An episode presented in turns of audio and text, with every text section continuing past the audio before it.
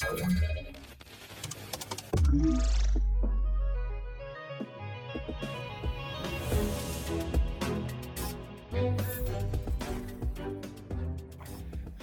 halo, tu mówi Warszawa w podcaście Cyber Cyber Fundacji Bezpieczna Cyberprzestrzeń. Witamy Was bardzo serdecznie. Dziś podcast procesowy, a skoro podcast procesowy, to prowadzi go Wielka Trójca. Witam Was serdecznie, panowie.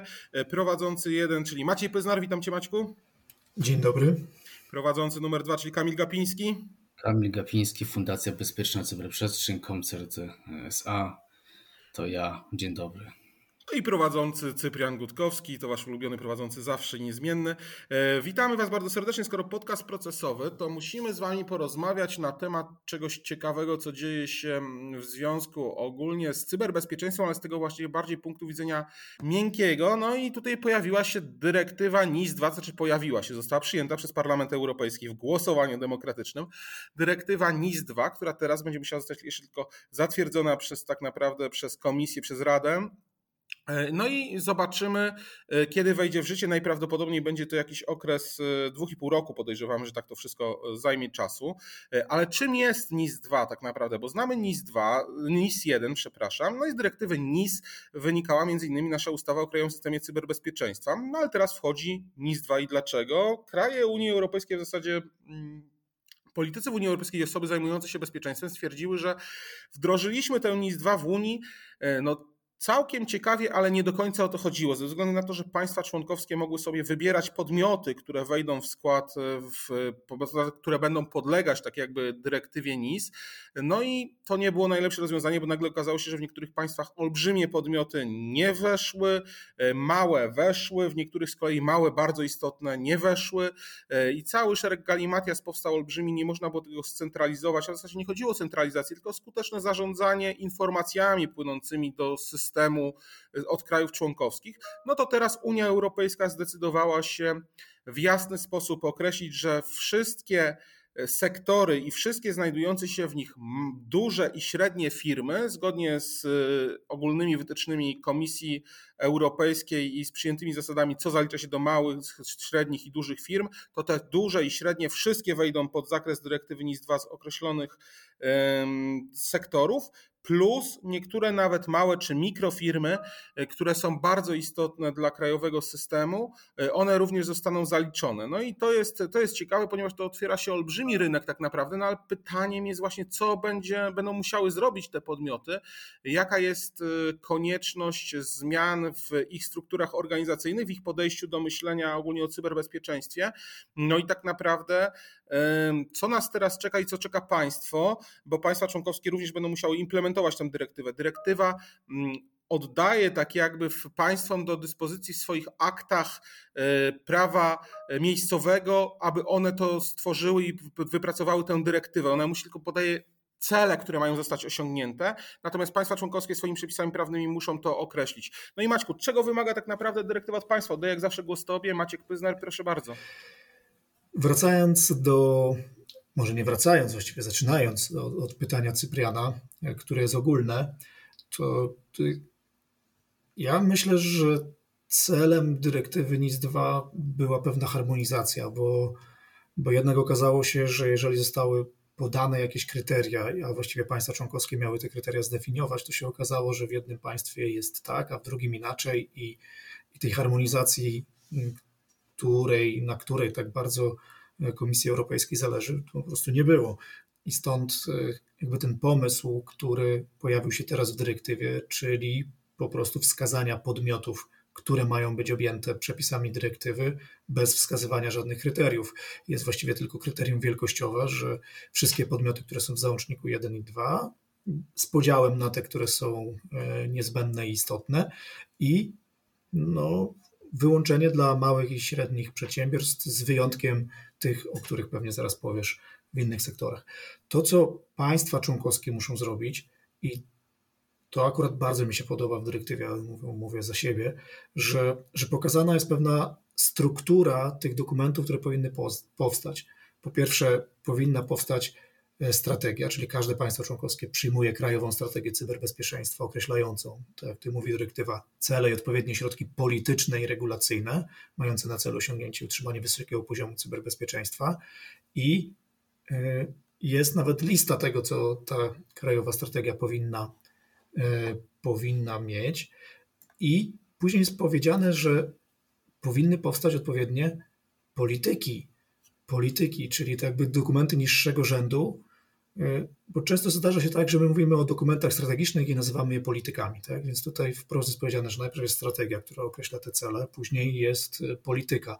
No i też jest lista obszarów, które ta, te polityki powinny objąć między innymi, nie wiem, wytyczne dotyczące uzgadniania, uwzględniania w zamówieniach publicznych wymogów związanych z cyberbezpieczeństwem, politykę związaną z utrzymaniem ogólnej dostępności, integralności publicznego rdzenia otwartego internetu, czyli takie bardzo ciekawe i otwarte jakby polityki, ale de facto rzeczywiście mające wpływ na, na bezpieczeństwo, y, cyberbezpieczeństwo chyba powinienem powiedzieć w tym przypadku, y, no jakby państwa, tak? I to jest fajne. I na koniec jeszcze jest trzeci dokument już właściwie takiego najniższego rzędu, czyli y, no, krajowy plan reagowania na to, co, co powinno się tam znaleźć. Więc każde państwo członkowskie też przyjmuje krajowy plan reagowania na cyberincydenty i kryzysy cyberbezpieczeństwa, w którym określa cele i tryby zarządzania cyberincydentami i, i kryzysami cyberbezpieczeństwa. Więc z mojego punktu widzenia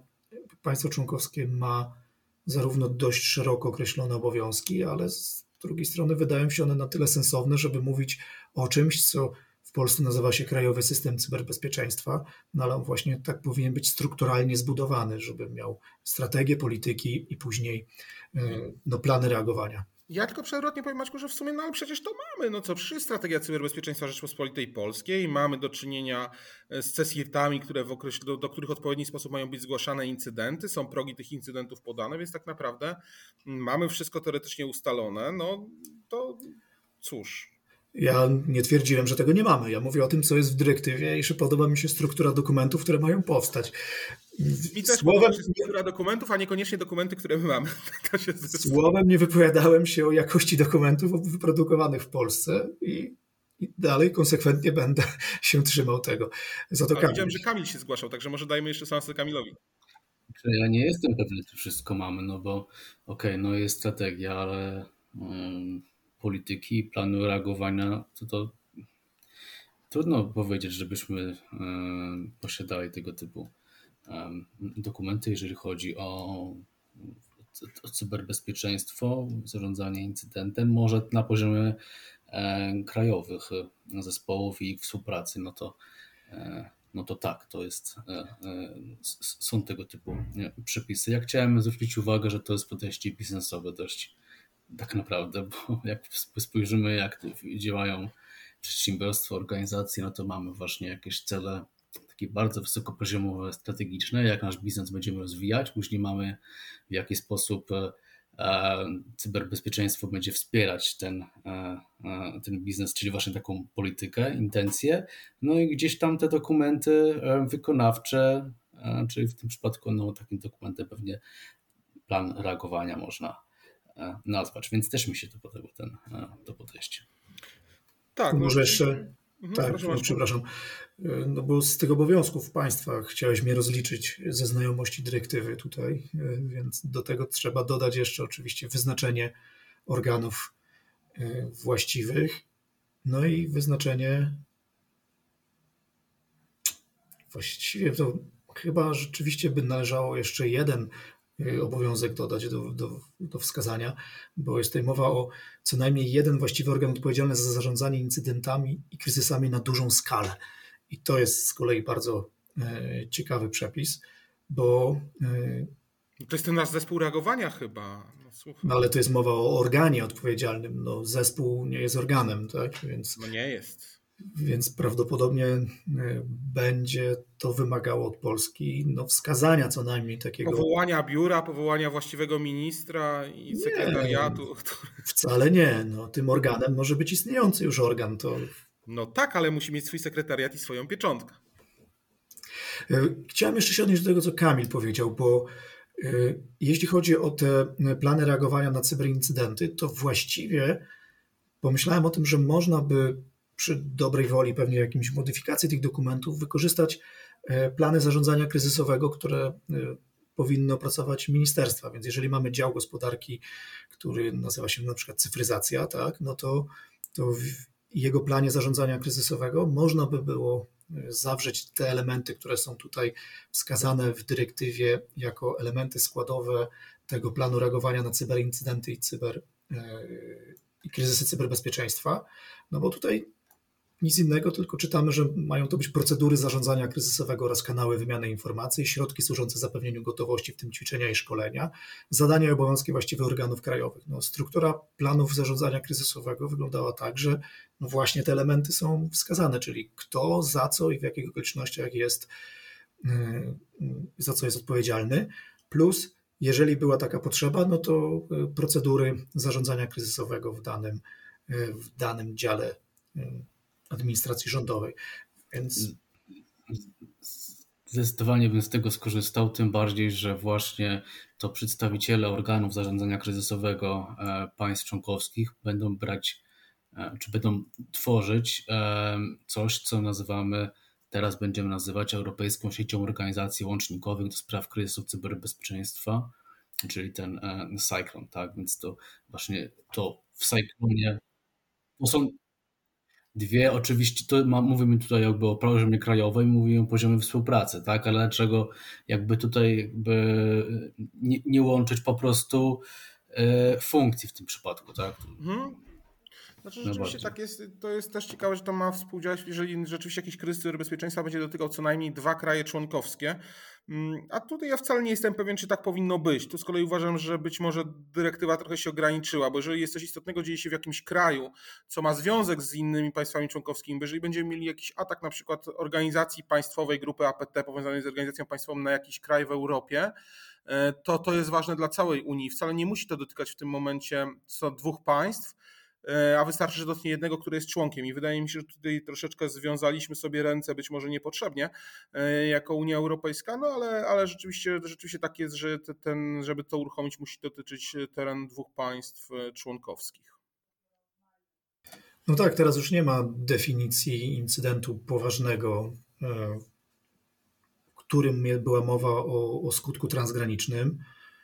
No i to moim zdaniem akurat jest lepiej, tak? No bo to nas nie ogranicza tylko i wyłącznie do takich, albo do szukania wymówki, że tak powiem, przed zgłoszeniem czegoś, no bo przecież e, w sumie nie znamy tego efektu transgranicznego. No tak, no niewątpliwie są dwie szkoły, jak zawsze. Klasyczne podejście z dwoma, z dwoma szkołami jest typowe, natomiast ja uważam, że rzeczywiście tutaj bardzo istotne było to, e, że ta transgraniczność wcale nie musi być konieczna. Ona jest tylko warunkiem, który, no może być warunkiem, że to już wtedy na pewno w to wchodzi, ale istnieje też możliwość działania w innym przypadku.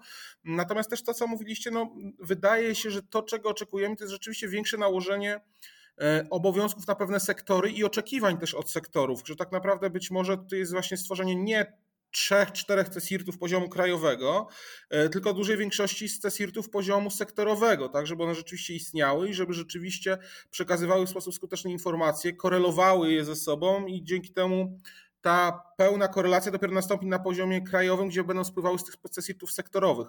Nie wiem, czy troszeczkę nie wybiegłem za bardzo do przodu, ale tak jak patrzę na czas też między innymi, no to rzeczywiście myślę, że powinniśmy o tym porozmawiać już o CESIRTach troszeczkę, rzeczywiście jaka będzie ich rola w nowej dyrektywie. No to jest jeden z obowiązków y, rzeczywiście kolejny dla państw członkowskich, bo, bo poza oczywiście tym CESIRTem, no to mm, każde państwo członkowskie powinno też wyznaczyć co najmniej jeden organ właściwy odpowiedzialny za cyberbezpieczeństwo oraz zadania nadzorcze. Y, I no, wydaje się, że obecnie funkcjonującej ustawy o Krajowym Systemie Cyberbezpieczeństwa te, te, jakby organy właściwe można by y, już wskazać, no bo to są podmiot, organy, które y, są odpowiedzialne za poszczególne sektory. No ale ponadto rzeczywiście dyrektywa y, mówi o tym, że każde państwo członkowskie wyznacza co najmniej jeden CESY spełniający wymogi określone, i zaraz pewnie o tych wymogach powiemy, obejmujący przynajmniej sektory, podsektory lub podmioty, których mowa w załącznikach 1 i 2. I to jest to, o czym mówił Cyprian, wydaje mi się, że tak jest, jak mówisz, no bo trudno wyobrazić sobie, biorąc pod uwagę, e, jak szeroki jest zakres e, podmiotowy dyrektywy, czyli te podmioty, o których mowa w załącznikach 1 i 2, no, może powiedzmy od razu, że zostały rozszerzone o nowe sektory, została wprost dodana administracja publiczna, podmioty niezbędne, tam została dodana na przykład woda i ścieki, co jest, no, wydaje się być oczywiste z punktu widzenia również doświadczeń takich, jakie mamy e, podczas wojny w Ukrainie. E, no i są też, jest cała rzesza podmiotów e, istotnych, w których między innymi znajdują się, nie wiem, producenci żywności czy inne, inne podmioty. I dlatego ten zakres powoduje, że moim zdaniem masz rację, Cyprian, że to no po prostu nie może się ograniczyć do do czterech, czy nawet jednego e, cesirtu poziomu krajowego. I tutaj zresztą nie ma mowy o tym, żeby to były e, cesirty poziomu jakiegoś krajowego.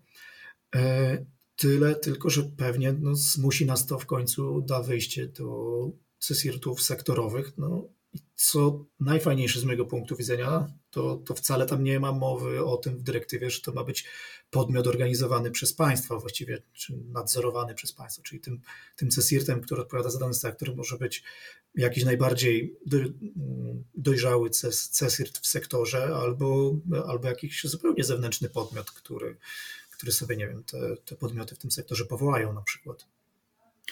No, ale też tutaj mam mowę o tym, że na przykład państwa członkowskie mogą się zwrócić do ENISY o pomoc przy tworzeniu krajowych CESIRT-ów, co też jest ciekawe, jak to, jak to by wyglądało. E, nie, ale tak odbiegając do tego, rzeczywiście chyba przyszłością są CESIRT-y sektorowe, które po prostu będą znały problemy swojego sektora, bo weźmy pod uwagę taki sektor zdrowia teraz, który rzeczywiście już nie, nie będzie możliwości wykluczenia go. Znaczy, okej, okay, ja nie widzę, być może państwo i legislatorzy znajdą sposób na wykluczenie szpitali z podlegania ustawie o Krajowym Systemie Cyberbezpieczeństwa. Oczywiście to nie będzie pewnie, to nie, pewnie będzie się tak nazywał, ale na pewno będzie musiała być znowelizowana.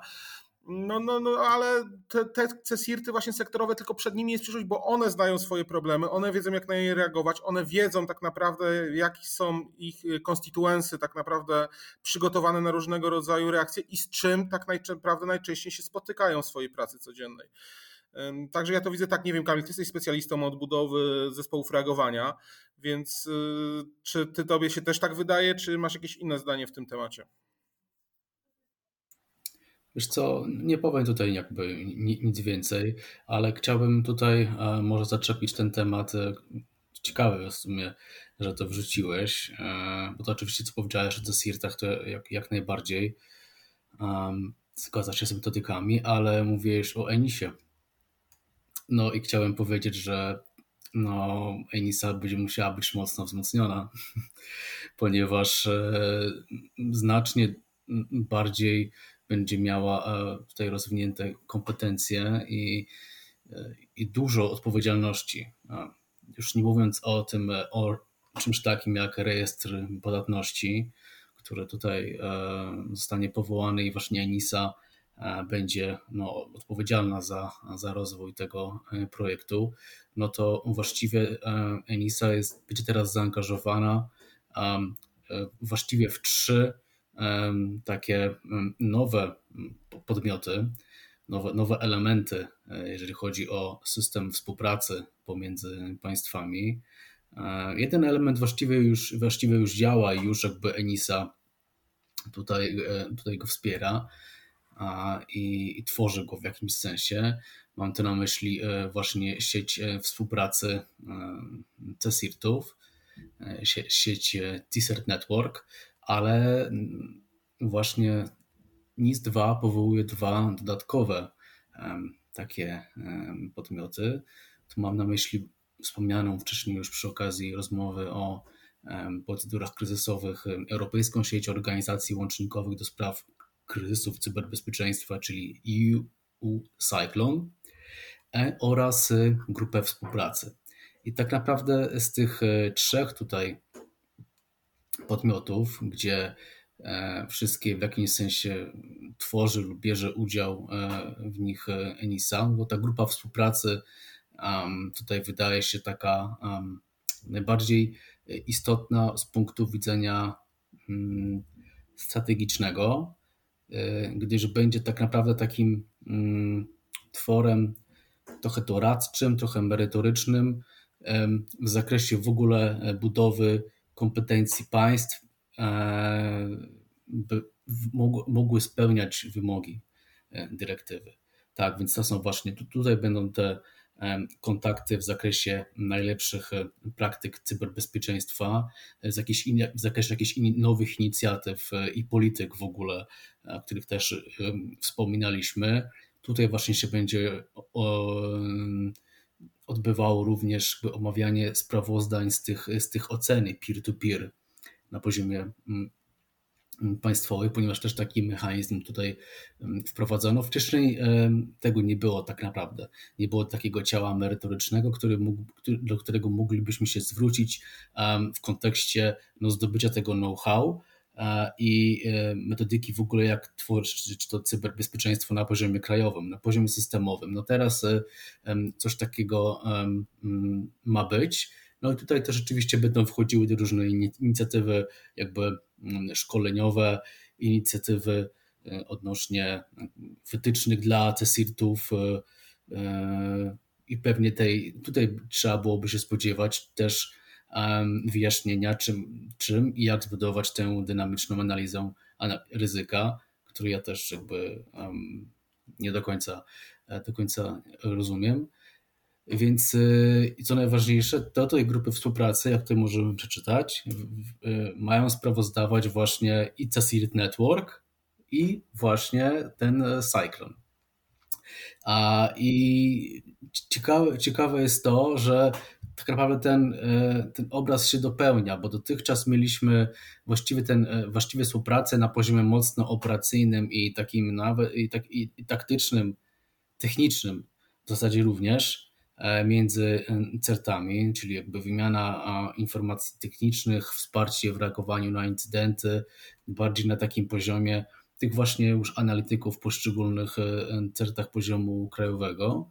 No a teraz dochodzi do tego ten cyklon, który ma ten komponent polityczny, gdzie właśnie państwa członkowskie biorą w tym udział i e, organy odpowiedzialne za zarządzanie kryzysowe w danym państwie członkowskim.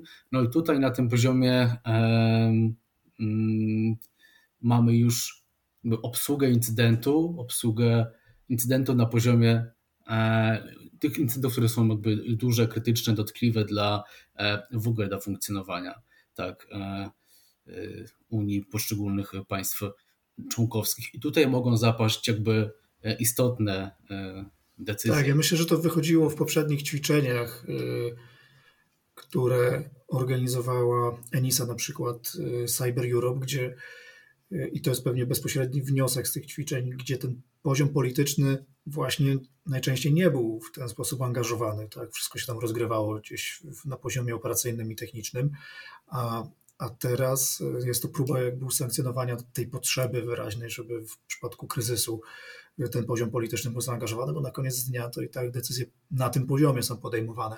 Mnie za to ciekawi yy, i no w sumie najbardziej chyba interesująca jest ta rola Enisy e, w postaci opracowania i prowadzenia Europejskiego Rejestru Podatności. Tak? To, to jest chyba wprost odpowiedź na to, że no teraz mamy tak amerykański, e, rosyjski, rosyjski i chiński. Tak?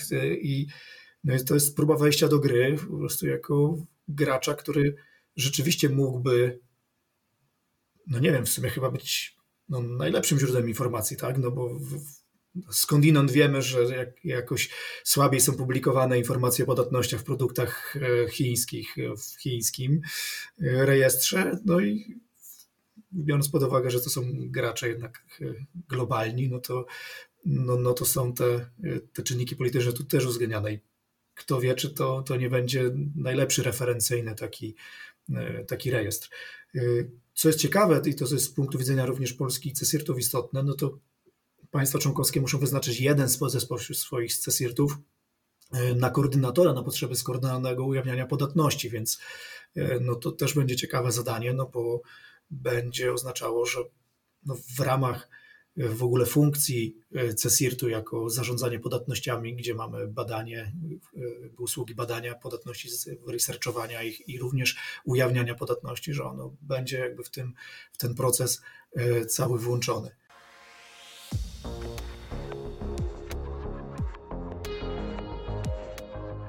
Partnerem strategicznym podcastu CyberCyber jest Koncert SA, lider na polskim rynku cyberbezpieczeństwa. Sprawdź nas na www.koncert.pl. Skoro już Znowu o Cesirtach. E, no właśnie, o Cesirtach, no to może powiedzmy, co, bo odbiegliśmy do Enisy, że będzie musiała być wzmocniona, no to tam pół biedy z Enisą, bo to dla nas odległe, odległy temat, ale jak wzmocnić nasze Cesirty, jeżeli spojrzymy na to, co się pojawia, bo na przykład mamy coś takiego, że mają wysoką dostępność swoich usług, ale mają być odpowiednie pomieszczenia, które muszą być bezpieczne, mają dysponować systemami zarządzania kierowanymi wnioskami do nich spływającymi, ale mają dysponować odpowiednio licznym personelem, aby zapewnić nieprzerwaną dostępność dostępność swoich usług, e, z systemami redundantnymi, rezerwowym miejscem pracy, mieć możliwość udziału w międzynarodowych sieciach współpracy, to o tym mówiliśmy, ale też co mają robić, bo na przykład e, jedną z takich rzeczy jest chociażby, co mnie zastanawia, w jaki sposób będzie realizowane, jako zadanie przeprowadzanie na wniosek podmiotu aktywnego skanowania sieci i systemów informatycznych wykorzystywanych przez dany podmiot do świadczenia usług.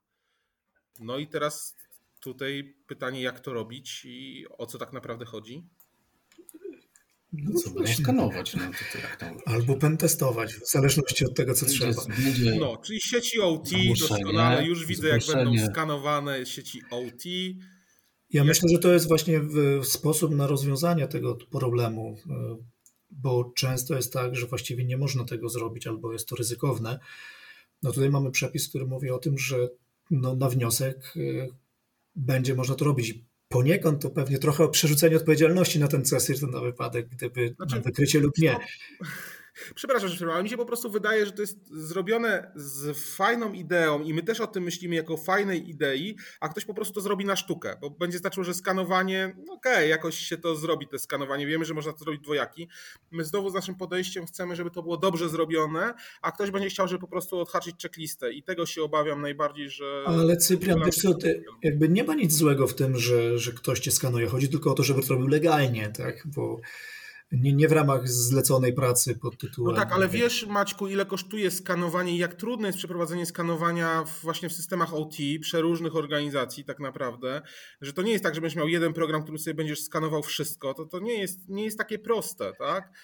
Nie ma mowy tutaj w tym przepisie. Zasoby, trzeba mieć do tego zasoby też przede wszystkim. Na skąd taki CSIRT ma wziąć no już ci właśnie mówię, bo chcę wejść do, do, do, tego jednego punktu, o którym tu mowa. Skąd ma wziąć zasoby? No artykuł 9 ustęp 2 mówi, że państwa członkowskie zapewniają, aby każdy CESIR dysponował odpowiednimi zasobami. Czyli, A nie, no jak państwo zapewnia, to tak. Czyli no tutaj no chyba właściwie jest zobowiązanie dla naszego ustawodawcy, żeby w ocenie skutków regulacji nie wpisywał bajek pod tytułem, że to nie rodzi skutków finansowych, tylko po prostu, że, że na to są potrzebne pieniądze.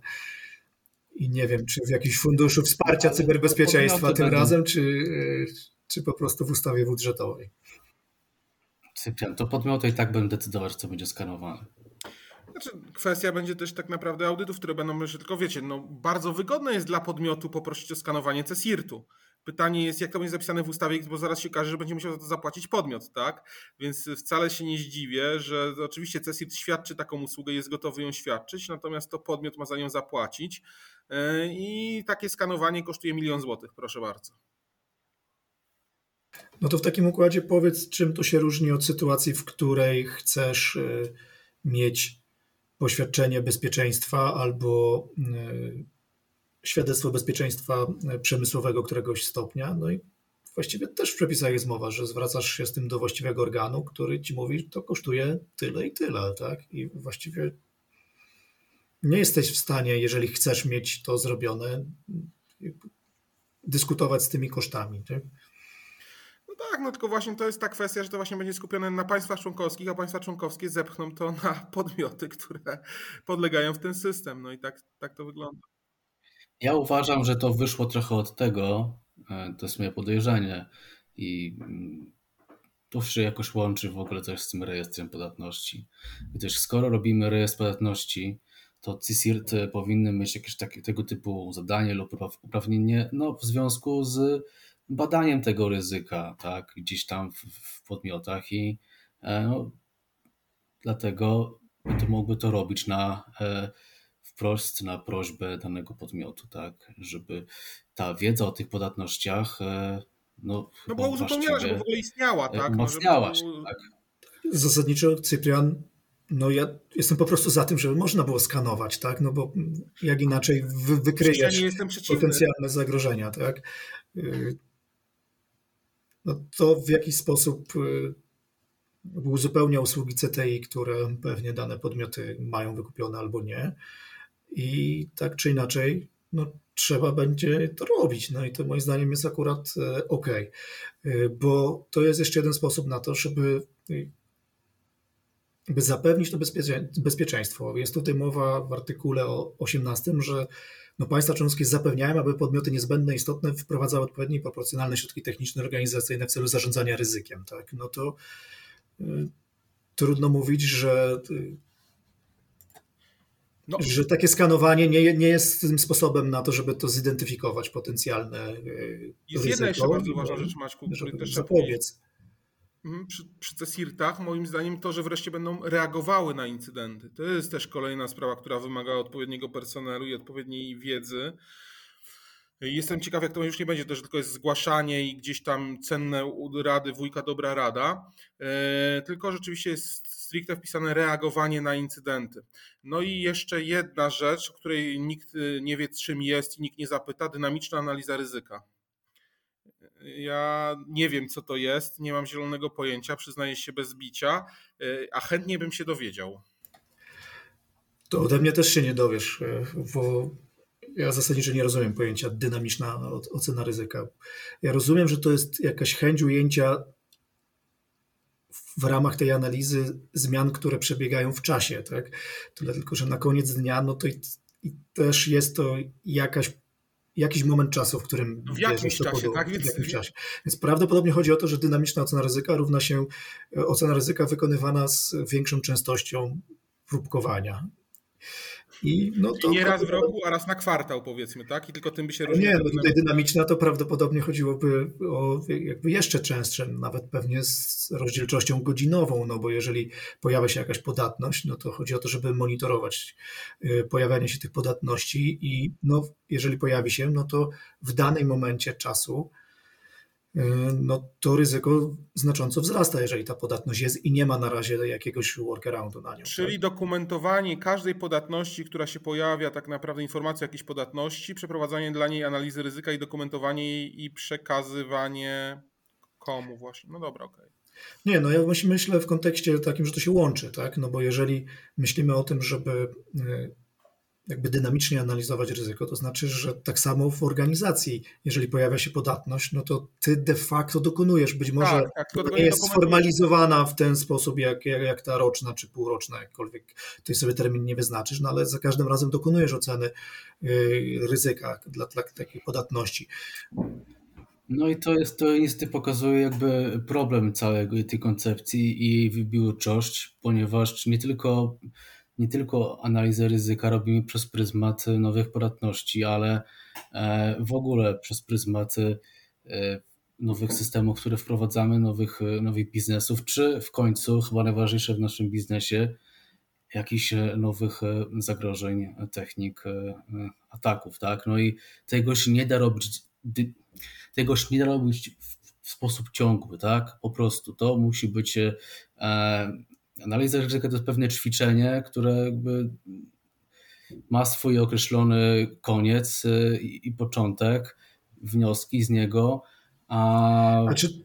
podejście dynamicznie, no to... Ja się zastanawiam, Kamil, czy to nie jest tak, że, że pod tą pod tym hasłem dynamiczna e, analiza ryzyka de facto rozumiemy cyber threat intelligence, no bo no ja też tak to o tym myślę, tylko to też nie jest do końca um, to nie jest wszystko, co robimy w zakresie. Nie, no jasne, tak, no, ale, ale, zmierzam do, ale zmierzam do tego, że... To jest takie dziwne sformułowanie. To, to jest dość ważne, bo to jest dynamicznej analizy, zadanie CESIRT-u, dynamiczne, zapewnienie dynamicznej analizy ryzyka i incydentów oraz orientacji sytuacyjnej w zakresie cyberbezpieczeństwa. Orientacja sytuacyjna jak najbardziej to jest CTI, e, ale tutaj właśnie są te incydenty. Nie, Cyprian, uważam, że tak nie jest, dlatego że nawet w usługach certowych, jeżeli myślisz o obszarze zadaniowym, który się nazywa zarządzanie podatnościami, no to tam jest za każdym razem E, ocena ryzyka dla podatności w rozumieniu takim, że jeżeli pojawia się nowa podatność, to ty ją musisz sklasyfikować jako ryzyko i tak samo nadajesz jej kod, e, czy tam no, właściwie kategorię CVSS-u po to właśnie, żeby tym, tym właśnie kategoryzować to ryzyko. Więc myślę, że to jest to zadanie na tym polegające i, i to de facto jest takie rozszerzone zadanie CTI, które polega na tym, żeby żeby dokonywać tych zagrożeń i e, oceny te, tego ryzyka w kontekście zagrożeń, podatności czy innych rzeczy, które są związane z bezpieczeństwem cyberprzestrzeni. I to, i to wydaje mi się po pierwsze rozsądne, po drugie praktyczne, a po trzecie e, no jakby celowe z punktu widzenia e, tych organizacji, które są objęte tymi, tymi działaniami. Bo jeszcze słowa nie powiedzieliśmy, co ci biedni operatorzy istotni. Właśnie i... do tego chciałem przejść. Teraz to ten, ten moment, że co teraz my biedni mamy robić? Te wszystkie biedne podmioty, które znajdą się właśnie, czy to w sektorze spożywczym, czy w jakimkolwiek innym nagle, które wylądują i, i cóż ich czeka? No, to jest znowu dość ogólnie napisane, ale wygląda na to, że, że muszą po prostu E, wprowadzić odpowiednie proporcjonalne środki techniczne i organizacyjne w celu zarządzania ryzykami. To jest spoko, no bo to jest e, risk-based approach i to, to jest fajne. No i co wśród tych środków mamy? Analizę ryzyka i polityki bezpieczeństwa, postępowanie w przypadku incydentu, ciągłość działania i zarządzanie kryzysowe i jeden fajny e, artykuł, a właściwie punkt w ustępie drugim, który mówi o bezpieczeństwie łańcucha dostaw bezpieczeństwo w procesie nabywania, rozwoju, utrzymania sieci systemów informacyjnych, no i polityki i procedury służące ocenie skuteczności środków, stosowanie kryptografii i szyfrowania. To jest ciekawe, że to znalazłem odrębny, odrębny punkt. No ale e, co wam to przypomina? Nie, no to znaczy, mi to przypomina trochę RODO po części dzięki tym swoim takim ogólnym rzeczom, ale co mi to przypomina, wiem, że nie o to ci chodzi, ale jedna rzecz, która tutaj jest najbardziej i mi zwróciła tę moją uwagę, to jest te, jeżeli chodzi o punkt D, czyli bezpieczeństwo łańcucha dostaw. To jest, to jest tak naprawdę bardzo ciekawa rzecz, bo chyba wreszcie musimy odejść od myślenia o łańcuchu dostaw tylko pod względem dostępności tych dostaw i tego, żeby sobie zapewnić odpowiednie wsparcie na jakąś usługę, tylko musimy spojrzeć na bezpieczeństwo dostaw, ale to zarówno e, hardeningu właśnie, jak i też zarówno tej właśnie samej usługi, która do nas dociera. I to jest, to jest ciekawe, że to będzie trochę inne spojrzenie.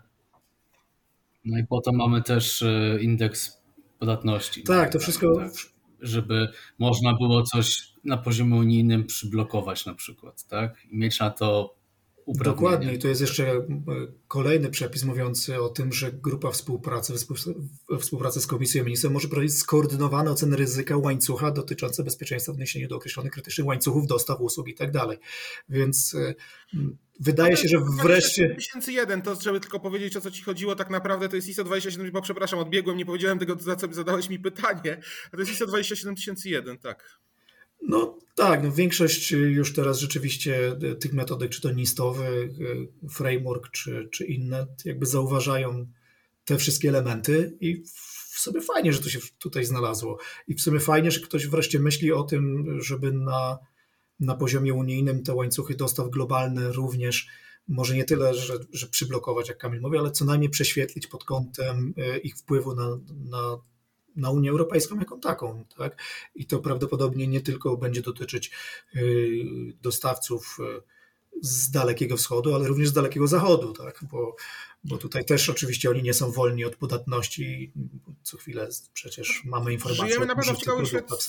Hmm, żyjemy w ciekawym świecie, tak? Mamy ciekawe czasy geopolityczne i to dlatego też wynika i jestem bardzo ciekaw, jak to wyjdzie Unii Europejskiej. Y, no bo Fakt jest taki, że rzeczywiście Unia będzie i broniła się przed tymi zachodnimi braćmi i przed tymi chińskimi braćmi, więc to, to faktycznie jest, jest dość ciekawe i myślę, że tak jak wspomniałeś, że może być to najlepszy rejestr, który tam może występować, jak również ten rejestr sprzętu. No tylko z kolei, czy my nie zamykamy się w tym, że co sami mamy wszystko produkować na terenie Unii Europejskiej? Bo oczywiście, że, że to nie, nie chodzi. To chodzi o to, że trzeba się po prostu powołać na coś, tak, w tym momencie, a nie możesz powołać się na e, na, na gruncie prawa europejskiego średnio się możesz powołać pewnie na, e, na rejestr chiński czy amerykański, nie? Tak, one są powszechnie wykorzystywane i co do tego nie ma wątpliwości, tak? no ale pewnie wygodniej jest do, do pewnych czynności zrobić to, y, to powołując się na rejestr europejski, a to ma związek przede wszystkim z tym, że te organy nadzorcze mają dość duże kompetencje, o czym możemy przeczytać właśnie w rozdziale szóstym, ale zanim do tego wrócę, to jeszcze wróć, przejdę, to wróćmy jeszcze chwilę do tych obowiązków y, tych podmiotów niezbędnych i istotnych, no bo oprócz tego, o czym mówiliśmy wcześniej, czyli jakby wprowadzenia środków, które mają skompensować to ryzyko albo zminimalizować ryzyko, no to właściwie chyba jest tylko jeszcze jeden obowiązek, czyli obowiązek w zakresie zgłaszania incydentów. I tak jak przedtem był, było w NIS-ie i w naszej ustawie również mowa o, o incydencie poważnym, incydencie krytycznym i tak dalej, to tutaj jest mowa tylko i wyłącznie o incydencie, który ma istotny wpływ na świadczenie przez nich usługi. Tak? No i, i później zdefiniowane jest, co to znaczy, że, że jest ten wpływ znaczący, tak? No i to właściwie są takie, tak jak Kamil słusznie zauważył, takie biznesowe podejście, tak? no bo incydent może spowodować istotne zakłócenie operacyjne lub straty finansowe dla danego podmiotu, no albo może wpłynąć lub mieć wpływ na osoby fizyczne lub prawne, powodując znaczne straty materialne lub niematerialne, czyli Tutaj prawdopodobnie trzeba będzie to jakoś doprecyzować, no bo każdy podmiot będzie mógł sobie ocenić inaczej.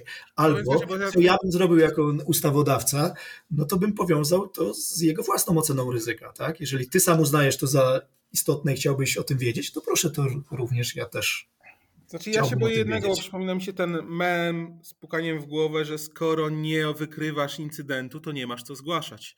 Więc wiesz, to jest, to jest też na taki sposób działające, że może, może być to dość e, ciekawe mm, podejmowane przez jakieś organizacje, które mają z tym problemy.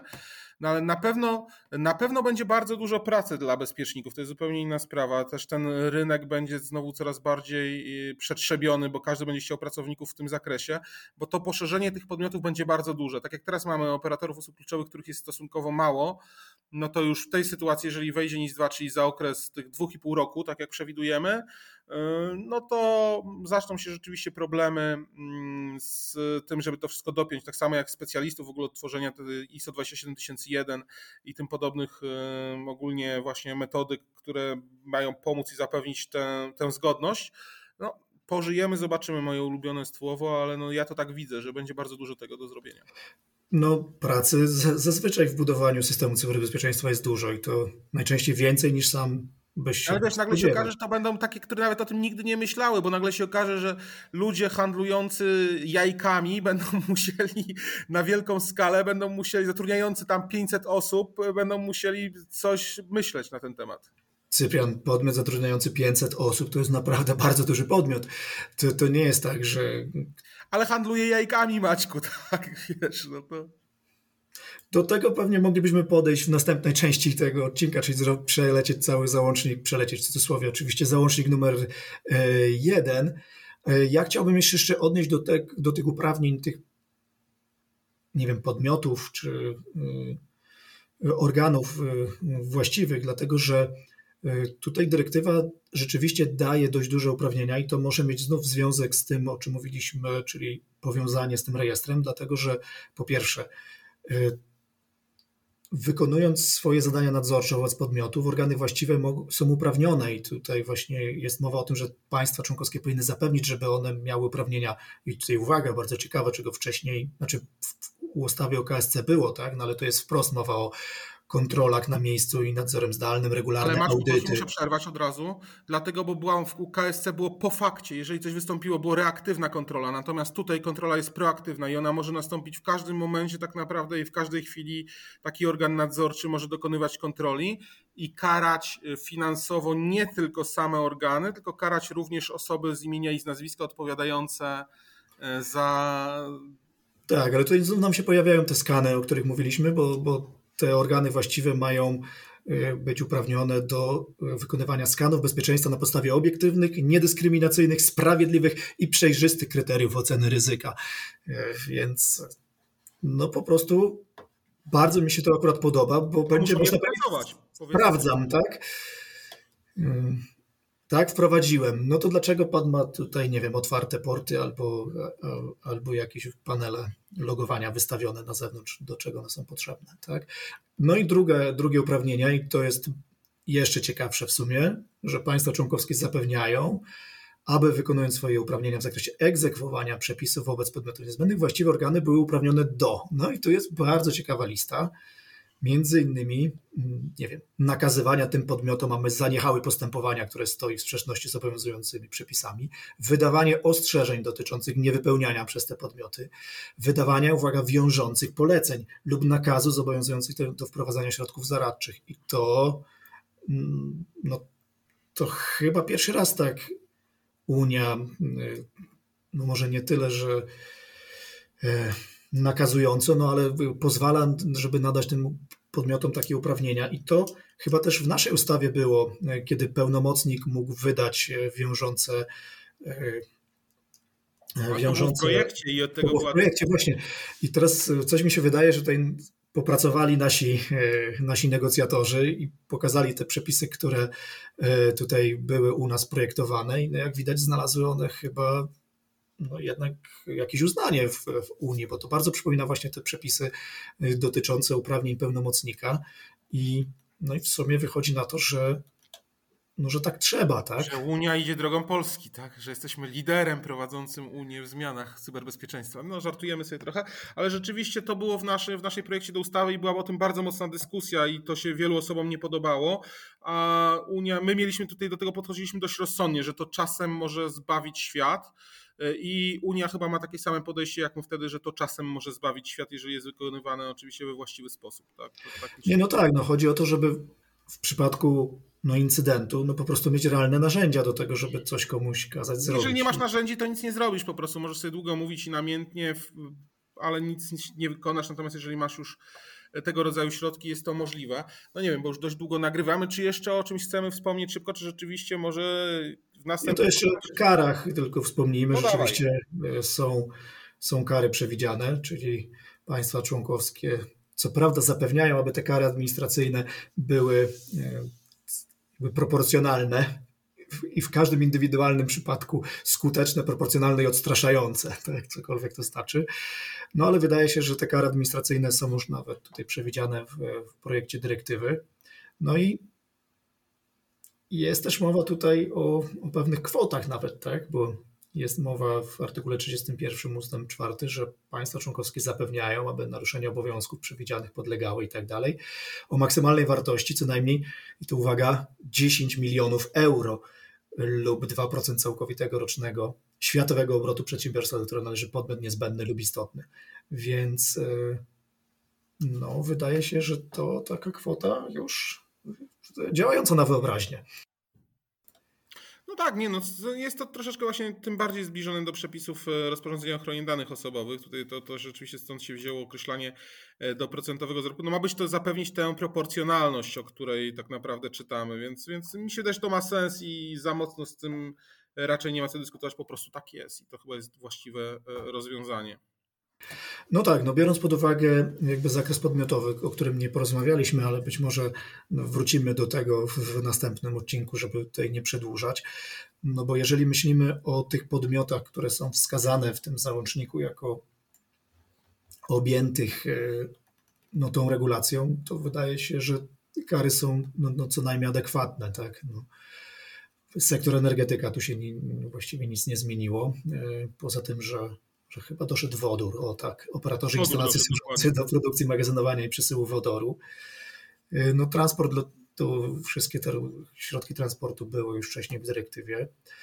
Bankowość, infrastruktura rynków finansowych też było, no ale tak jak wspominałeś, służba zdrowia, tak, więc tutaj już nie ma y, jakby dyskusji o tym, w jaki sposób to robią. Są to y, świadczeniobiorcy, o których mowa w artykule trzecim dyrektywy i tutaj jest numer dyrektywy. I to też jest fajny, fajny sposób, e, do którego uciekli się legislatorzy unijni, żeby no, powoływać się na już istniejące przepisy i, to, e, i te definicje podmiotów, które są, e, które są wskazane.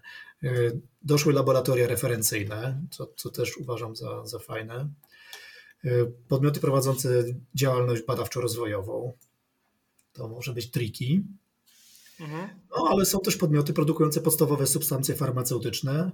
No i no, to akurat wydaje się być rozsądne, dlatego że z punktu widzenia no, pewnie zarówno państwa, jak i, jak i Unii Europejskiej, no takie podmioty wchodzą w skład coś, czego moglibyśmy, co moglibyśmy nazwać infrastrukturą krytyczną. No i to, co jakby warte jest podkreślenia i pochwalenia, no to wprost mamy odniesienie do wody pitnej i ścieków. Tak, dokładnie, co to może być też e, jakby trudne, bo wiemy z realizacji naszych ustaw o Krajowym Systemie Cyberbezpieczeństwa, jak i ja znam problemy, które mieli operatorzy infrastruktury krytycznej w tym sektorze, że no, niektóre z tych wymogów jest im po prostu ciężko spełnić, ze względu na to, że są to y, podmioty, które nie dysponują takimi budżetami, jakby można było oczekiwać od tego, tego typu podmiotów. Infrastruktura rynków cyfrowych to, y, to było. Za to pojawia się wprost administracja publiczna, tak? I przestrzeń kosmiczna, czyli, czyli dwa, które zostały poszerzone i myślę, że nie przypadkiem są obok siebie.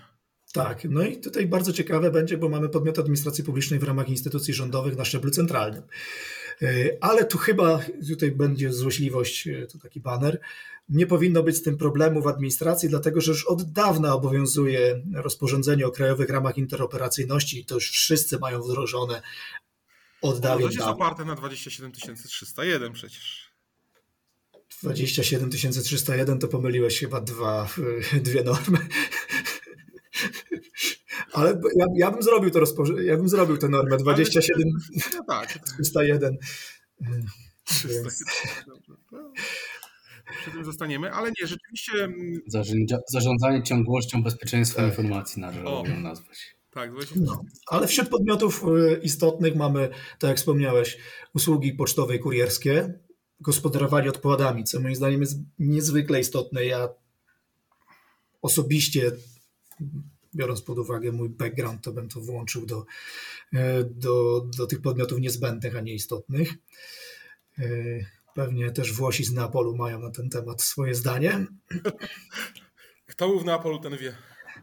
E, produkcja, wytwarzanie i dystrybucja chemikaliów i to, o czym wspominałeś, e, produkcja, przetwarzanie i dystrybucja żywności. Tak? Więc to jest też fajne. Jest też produkcja e, komputerów, wyrobów elektronicznych i, optycznych, więc to też w sumie. Też mnie zastanawiało, dlaczego są wspomniane te produkcja, pojazdy samochodowe, przyczepy i naczepy. Zawsze mnie zastanawiało, jakież to lobby działa i o co tak naprawdę chodzi, że to zostało wymienione akurat konkretnie, ale nie, nie, nie liczę, że od Was dostanę odpowiedź, ale może się zdziwię. Wiesz co, nie badaliśmy tego rynku, ale może się okazać, że tak naprawdę jest kilku tylko i wyłącznie wytwórców tego typu sprzętu w Europie i nie wiem, nie, jak tylko jeżdżę po drogach, to widzę, że naczepy są tam albo takie coś z tym ze słoniem. Ale już tam... Nie wiem, jak to jest do cyberbezpieczeństwa, no ale nie wnikam. No okej, okay, no bo. Ja ci powiem, że potencjalnie ten sektor ma po prostu bardzo duży wpływ na, na gospodarkę, bo pamiętajmy, że jednak background Unii jest gospodarczy i to wszystko... Ale zaczynamy już jak się imieninach, skrzyczą nas znowu, że, że tutaj już sobie dyskutujemy w przeciwny sposób, więc pora kończyć Maćku. Myślę, że Chyba, że chcesz naprawdę już coś jeszcze wspomnieć. Nie, chciałbym jeszcze powiedzieć o dostawcach internetowych, handlo, platform handlowych, wyszukiwarek to... i, ty, i co więcej, Dyrektywa mówi, że podmioty z tego zakresu nie będą miały y, kapa, jeśli chodzi o wielkość, i to jest tak. bardzo interesujące, że tutaj wszystkie podmioty z tego zakresu. Ale też państwo członkowskie może wybrać podmioty, które są mniejsze, a które są dla państwa bardzo istotne, i one też nie będą wtedy wyłączone, mimo tego, że są na przykład mikroprzedsiębiorstwem i pracuje jedna osoba, która ma swoją E, działalność gospodarczą zarejestrowaną, to nagle może się okazać, że staniesz się jakimś czymś w rodzaju operatora usługi kluczowej. Oczywiście to będzie, to będzie określone inaczej. No dobrze, słuchajcie, kończymy na dziś, bo rzeczywiście bardzo długi podcast nam wyszedł.